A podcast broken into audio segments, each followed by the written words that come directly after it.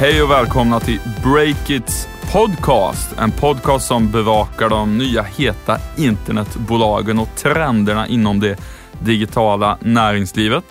Olle Aronsson heter jag och jag är medgrundare till nyhetssajten Breakit.se. Och jag heter Stefan Rundell och ehm, gör den här podden med Olle och eh, även jag är medgrundare till Breakit.se som ni måste gå in på varje dag. Den här veckan ska vi prata om Truecaller som Facebook ser ut att vilja klona. Vad betyder det egentligen för den svenska eh, så ack så snabbväxande telefonboksappen? Och så ska vi snacka Spotify. Varför har de svenska ägarna nu börjat sälja av sina aktier? Vi avslöjade det i veckan, men vad beror det på och vad innebär det för Spotify? Och kommer de kunna nå lönsamhet nu snart? Det verkar som att det är väldigt tuffa omförhandlingar om musikrättigheter med skivbolaget Universal.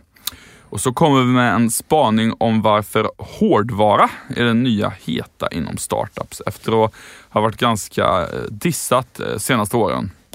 Först har vi lite nyheter i korthet. Stefan, vad har du att bjuda på på den fronten? En hel del faktiskt. Eh, vi noterar ju till att börja med att Facebook, eh, i alla fall enligt eh, New York Times, och de brukar ha rätt, de ska införa möjligheten att publicera nyheter direkt nu på Facebook. Det sociala nätverket. Alltså så man slipper klicka sig vidare från en länk. Det där är en riktigt spännande nyhet tror jag för alla som är aktiva i mediebranschen. Framförallt bland de stora mediebolagen. Det där eh, flaggar också Buzzfeed-chefen för på, på den, eh, den eh, stora konferensen South by Southwest som pågår i Austin i Texas fortfarande om jag inte är felunderrättad. Han sa ju då i, i ett anförande där att man ska liksom inte bara fokusera på den egna plattformen Buzzfeed utan även lägga ut direkt då material på, på till exempel Facebook. Ja, precis. Eller Youtube till exempel. Det var lite roligt att i New York Times avslöjande så stod det bland annat att bland de första publicisterna som ska testa det där finns New York Times. Lite så nedsmuget längre ner i artikeln, för, kanske för att dölja spåren efter en källa. Eller så är jag för allt för spekulativ där. Du, eh, Eh, här på hemmaplan har vi noterat att videoappen Mercat har blivit väldigt het. Eh, framförallt sen nyss nämnda South by Southwest. Hemmaplan, de är framförallt stora i USA antar jag, men jag, jag har ju faktiskt signat upp. Använder du Mercat? Ja, så här, jag har testat att använda den lite grann och det, det, det första som, som hände när jag kom in, det var ganska kul ändå att eh, eh Eh, den amerikanska investeraren eh, Mark Suster han, eh, det var liksom det första jag såg när jag kom in, att han satt och gjorde en videointervju med, jag tror det var rapparen Chamillionaire.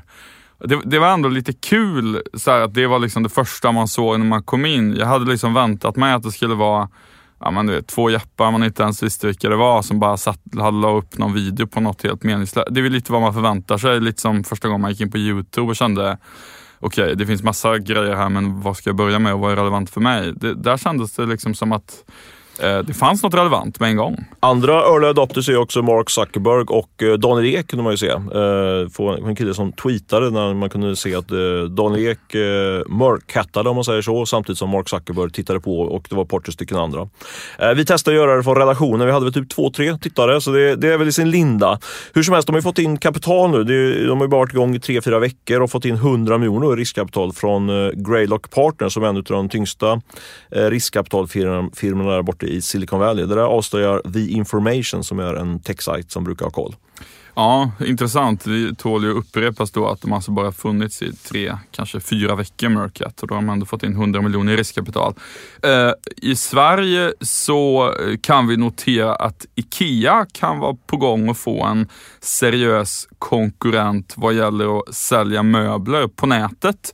Ikea har ju inte varit så aktiva där, de satsar på sina egna varuhus, eh, men nu växer eh, distanshandeln, eh, den vanliga liksom e-handeln så det knakar. Framförallt i form av bolaget Furniture Box.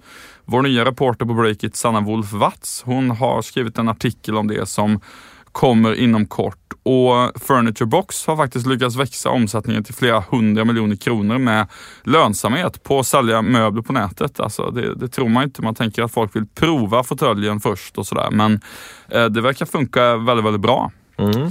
Eh, och sen så vill jag ju nämna då en, något som jag har läst med stort intresse de senaste dagarna eh, personligen. Det är alla hackningar som sker av den ohyggligt populära eh, datingappen Tinder.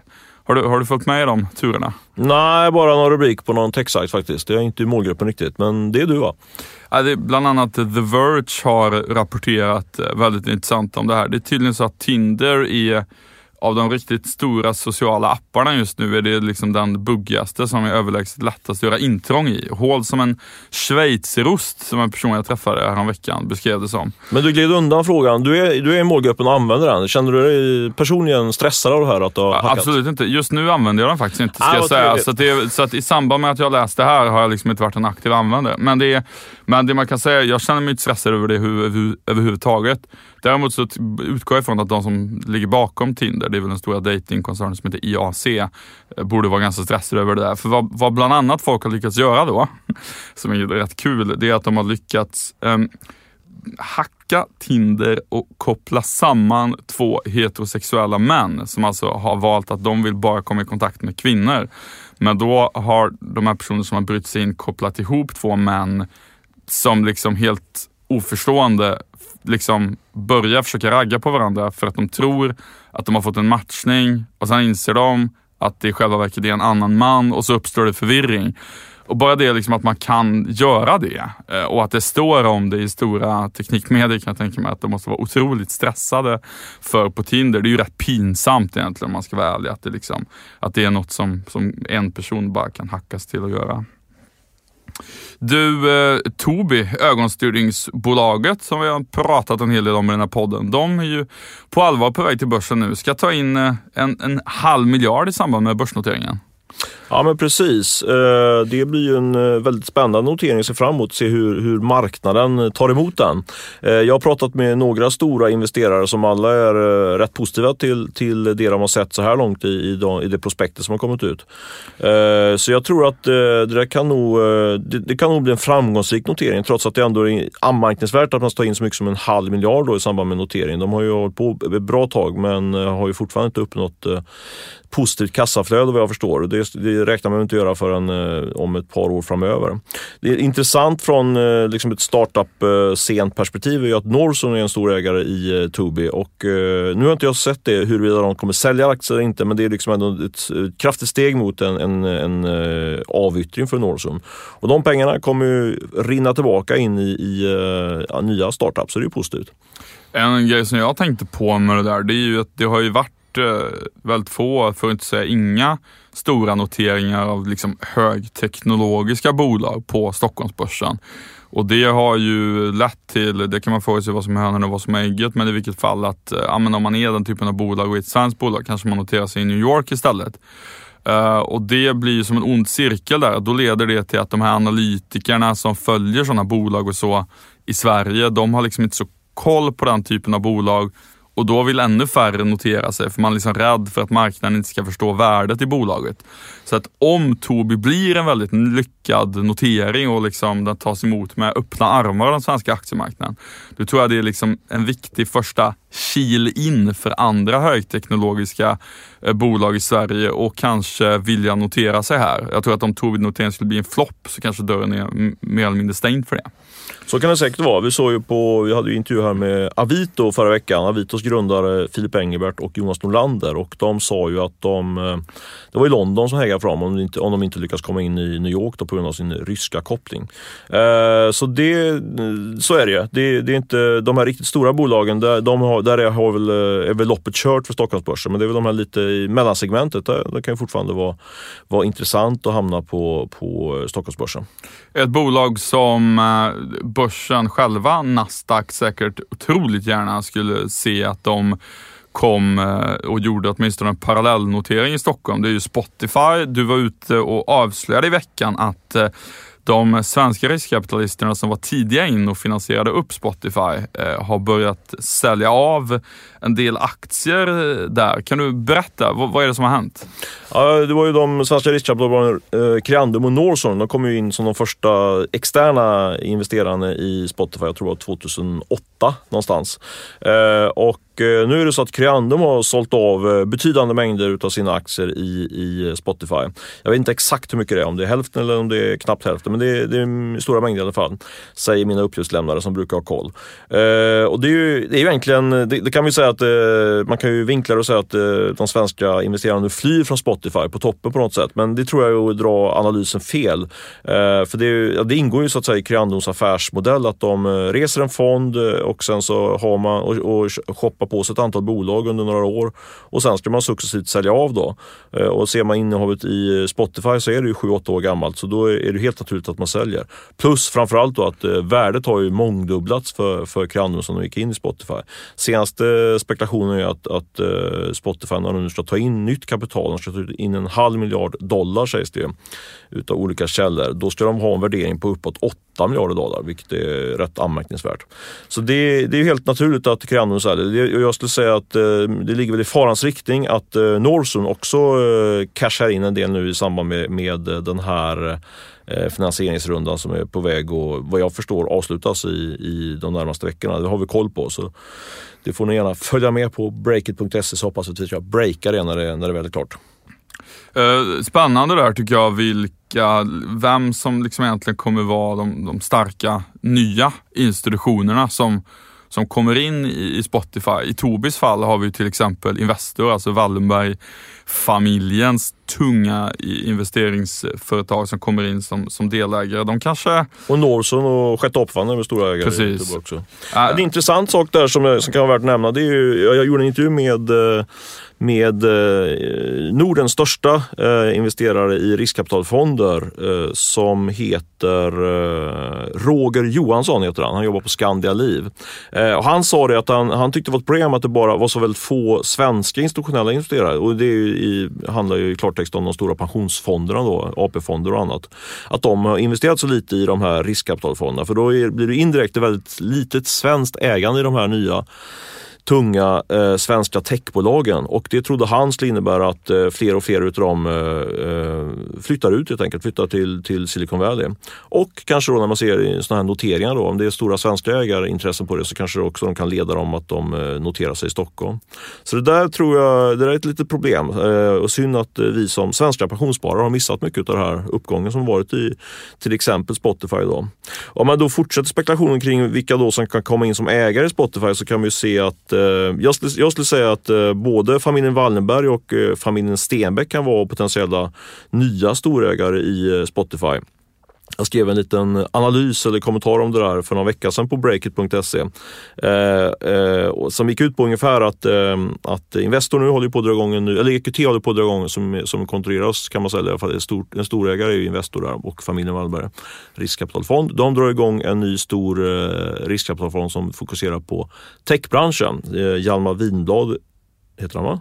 Mm. Hjalmar Winblad, eh, på eh, entreprenören där från, från Rap. Han ska styra och ställa på den. Det kommer bli en stor fond och de skulle ju verkligen kunna ta det här som sin första stora bett och gå in i Spotify nu när de gör den här, den här eh, nyemissionen. Och på samma sätt så är ju Kinnevik som varit stora inom, e- eller är stora inom e-handel, de skulle kunna vara en tagare på, på de här posterna också. Jag råkar tro mig veta att de har haft en hel del kontakt redan med, mellan eh, Kinnevik och Spotify.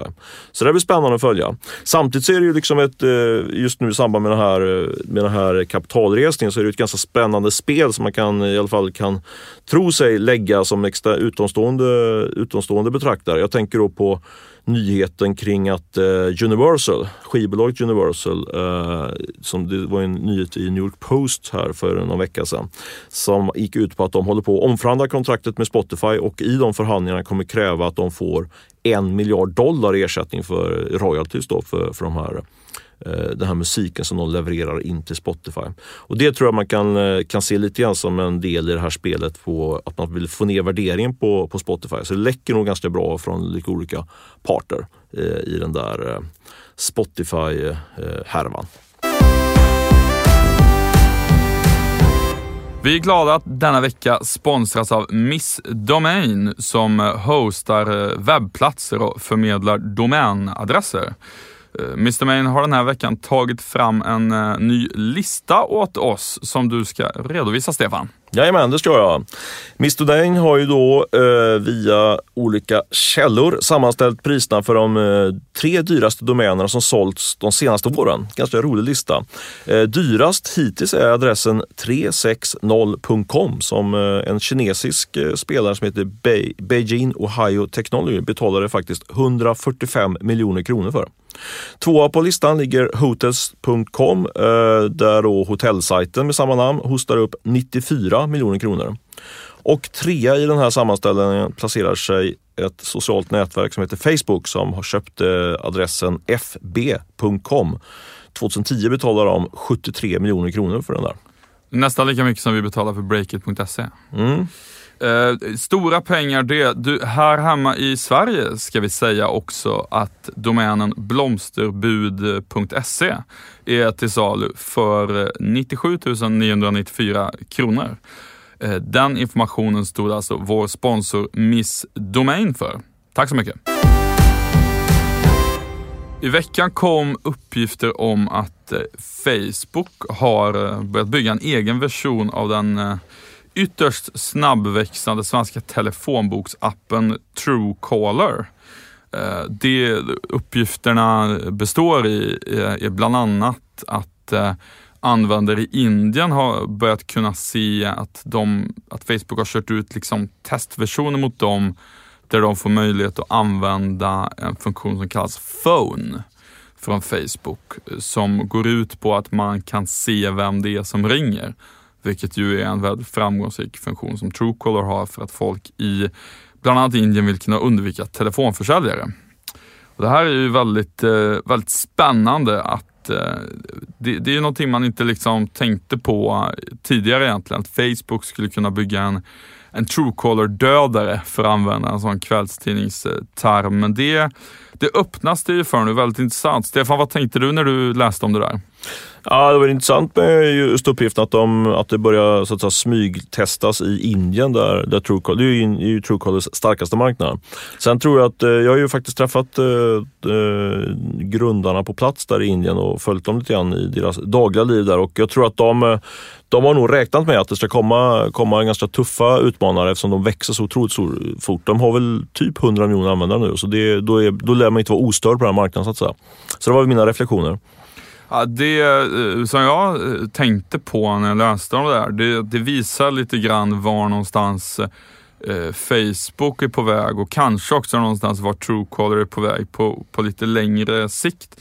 Man kan ju fundera på, jaha, varför vill Facebook hålla på med det där och identifiera massa telefonnummer och så? Är det liksom deras grej som annonsföretag? Men det här hänger ihop lite grann tror jag med de nyheterna som kom från den stora konferensen F8 Um, Utvecklarkonferensen utvecklarkonferensen, som precis som Facebook har haft nu där de, ja, huvudnyheten där var ju att de ska göra Messenger, sin väldigt eh, populära meddelande-app till en plattform som man kan shoppa massa grejer via. Eh, vilket ju också känns som att det hade man liksom inte alls tänkt sig för ett år sedan att Facebook skulle syssla med det. Eh, men om man drar, återgår till kopplingen till Truecaller då, så jag, jag tänker så här att vad är det egentligen Truecaller har för någonting? Jo, men det de har det är liksom identifikation av en massa telefonnummer. Det är det de har. Väldigt många mobilnummer. Och mobilnummer är ju liksom ett av de ganska många sätt man kan använda sig för man kan använda för att identifiera sig på internet. Andra metoder kan vara e-postadress, ett kreditkortsnummer, ett Facebook-login, bank-id använder man mycket i Sverige till exempel när man går in och ska ändra saker i sitt företag och sådär. Och där tror jag liksom att på sikt så skulle det absolut kunna vara en jätteintressant affärsmodell för Truecaller och liksom bli den här autentisering, verifieringsfaktor man använder när man handlar på nätet.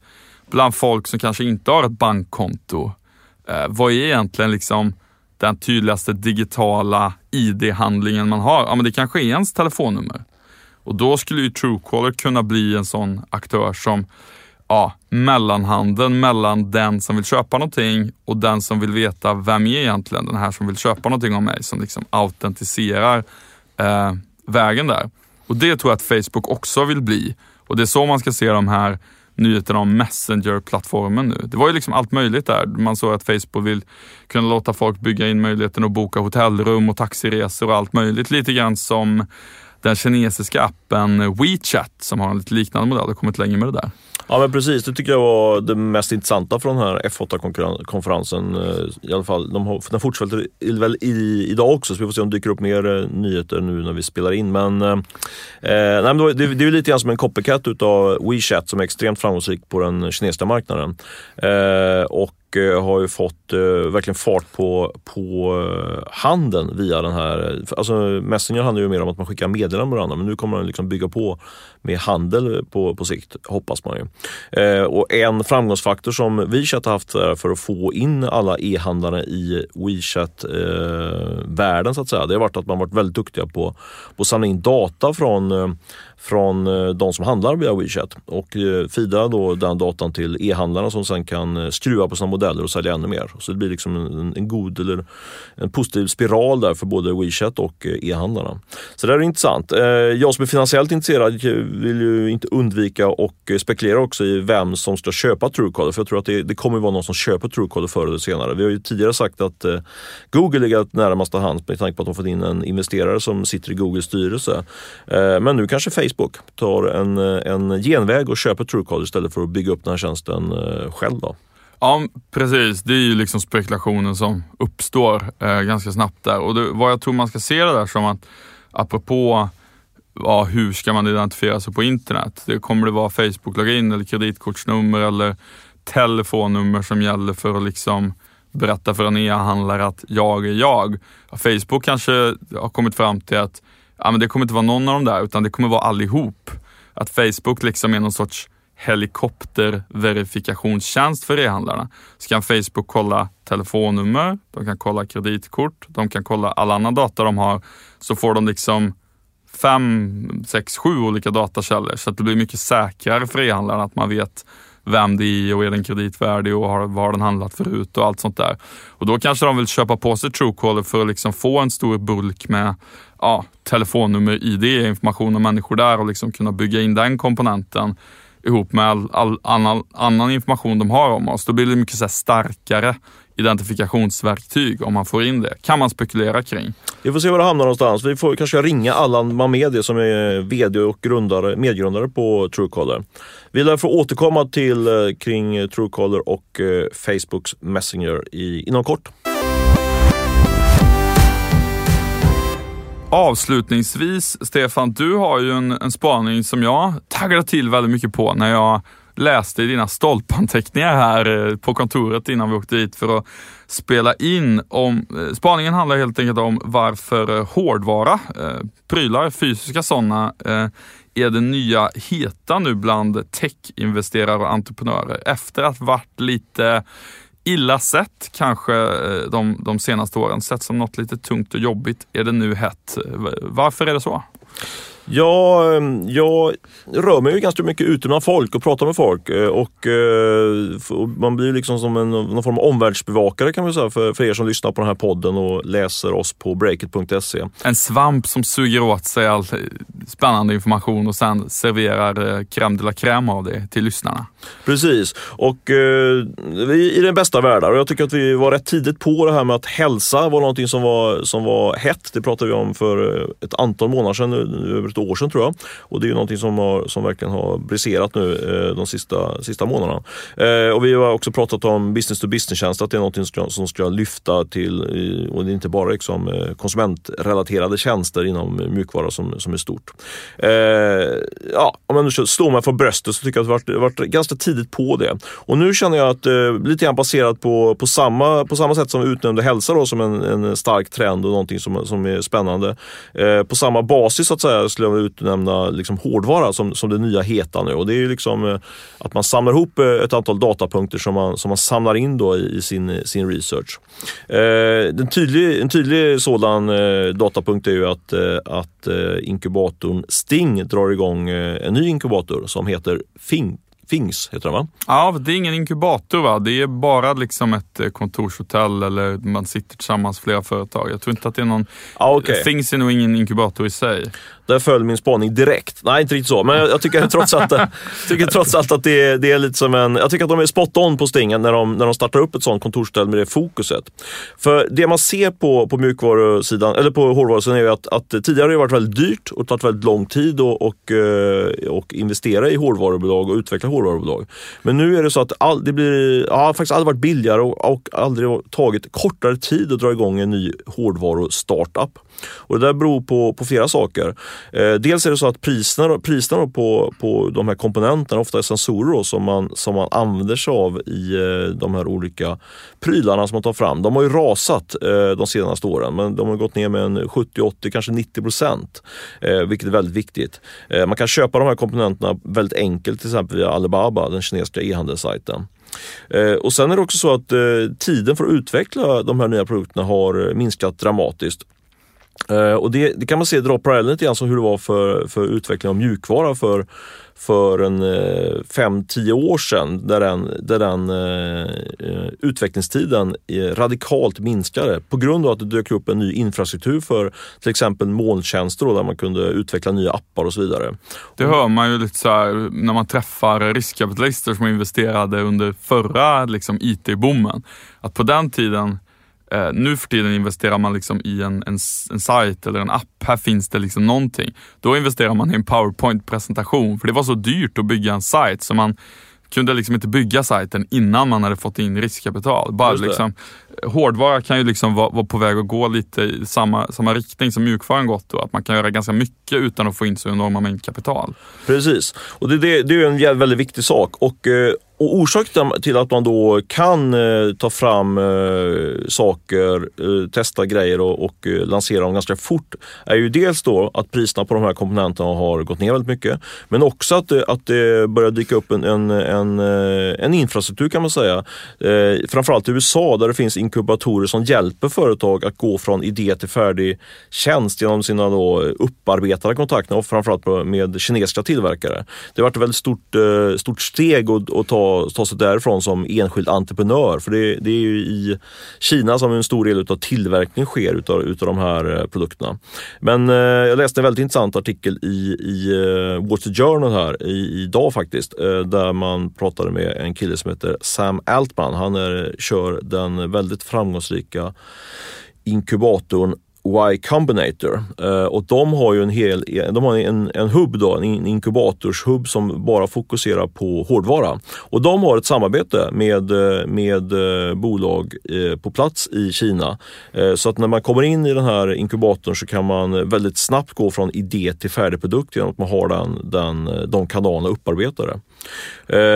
Och jag tror ytterligare en faktor kring det här, förutom att det, då, det går fortare att producera en sån här produkt nu jämfört med tidigare och mycket billigare, är också att det precis som i mjukvaruindustrin där man jobbar mycket med öppen källkod, eh, finns på samma sätt nu i hårdvaruindustrin, att man lägger ut ritningar helt fritt för vem, vem som helst att eh, botanisera och eh, kreera nya idéer utifrån eh, de ritningar som finns då gratis. Det har varit något som varit väldigt slutet tidigare med, med patent och liknande.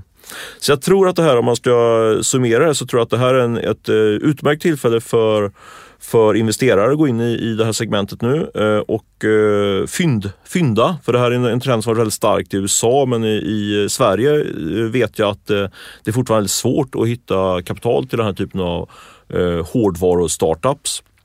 Precis, folk investerar i liksom massa olika appar och sånt där, men nya prylar eller solpaneler eller vad det nu kan vara, det, det är folk lite mer skraja för att pumpa in pengar Det är ju liksom bilden man har. Så är det och eh, jag gjorde intervju med, eh, med eh, som jag nämnde tidigare, med Avito-grundaren, bland annat Filip Engelbert och frågade honom vad, vad ska man starta som, som entreprenör och då sa han att det är helt felställd fråga. Men om man nu bortser från det så, så skulle jag säga att om man är entreprenör på jakt efter spännande segment att gå in i, skulle jag säga att, att hårdvarusegmentet är väldigt stort och och brett. Ja. Men där tror jag att man, ska, att man kan hitta mycket, mycket spännande.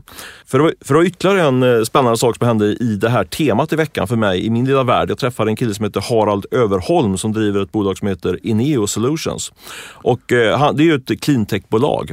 Eh, och han pratade mycket om, och man kan säga att han, det han har gjort, är att eh, han gör en kopia på Elon Musk, han som utvecklar Tesla-bilar, men också har något som heter Solar City mm. som, som säljer solpaneler i, eh, i stor skala kan man säga. Och han sa så här att eh, han tyckte att det var väldigt få entreprenörer inom cleantech-segmentet som är, som är en del utav kan man säga, det här hårdvarusegmentet. Eh, och det var alldeles för mycket liksom, ingenjörer och för, fe, för, alldeles för få Eh, Eh, affärsutvecklare och entreprenörer helt enkelt. Så eh, han, jag ska återkomma till vad de sysslar med mer specifikt eh, framöver på breakit.se men jag tyckte det var en intressant spaning han gjorde att eh, det var för mycket ingenjörer och för lite entreprenörer i det här segmentet som, som var verkligen extremt expansivt. Det ser man på amerikanska marknaden har ju den varit gått som en raket, den här solenergisektorn.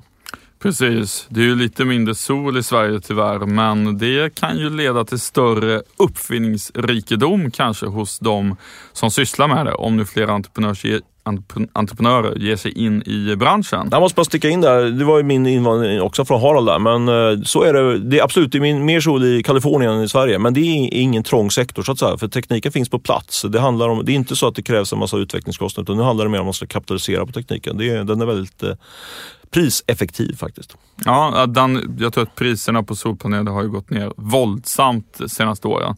Så att alla som investerade i de där börsnoterade bolagen som byggde solpaneler, det har liksom gått åt skogen. Så att man ska, medan de som har köpt in solpaneler och liksom kommersialiserat på olika sätt har det nog gått betydligt bättre för. Du, eh, vi ska börja runda av eh, det här avsnittet här. Stefan, har du någon sista grej du vill bjuda lyssnarna på? Nej, jag vill bara poängtera att vi, det här är liksom nu, jag vill, la lite grann eh, spelplanen inför, inför en fortsatt bevakning, mer intensiv bevakning av svenska hårdvaruföretag som är, som är spännande och hetast. Ni får gärna höra av er med tips på på eh, den typen av bolag. Jag har en, jag har en liten kader med bolag som jag gärna vill, som jag kommer porträttera på breakit.se. Men eh, hör gärna av er till mig. Jag finns på stefan.breakit.se. Det är bara att mejla. Det här avsnittet klipptes och spelades in av Beppo ljudproduktion. Eh, vi heter Olle Aronsson och Stefan Lundell. Eh, gå in på breakit.se och fortsätt följa vår bevakning där. Skriv gärna upp er på vårt nyhetsbrev och följ oss på Twitter på breakit-se. Eh, och lyssna nästa vecka när Breakits podcast är tillbaka. Annars så får ni ha en riktigt grym helg, ni som lyssnar på det här på fredag. Ha det gott så hörs vi. Ha det bra.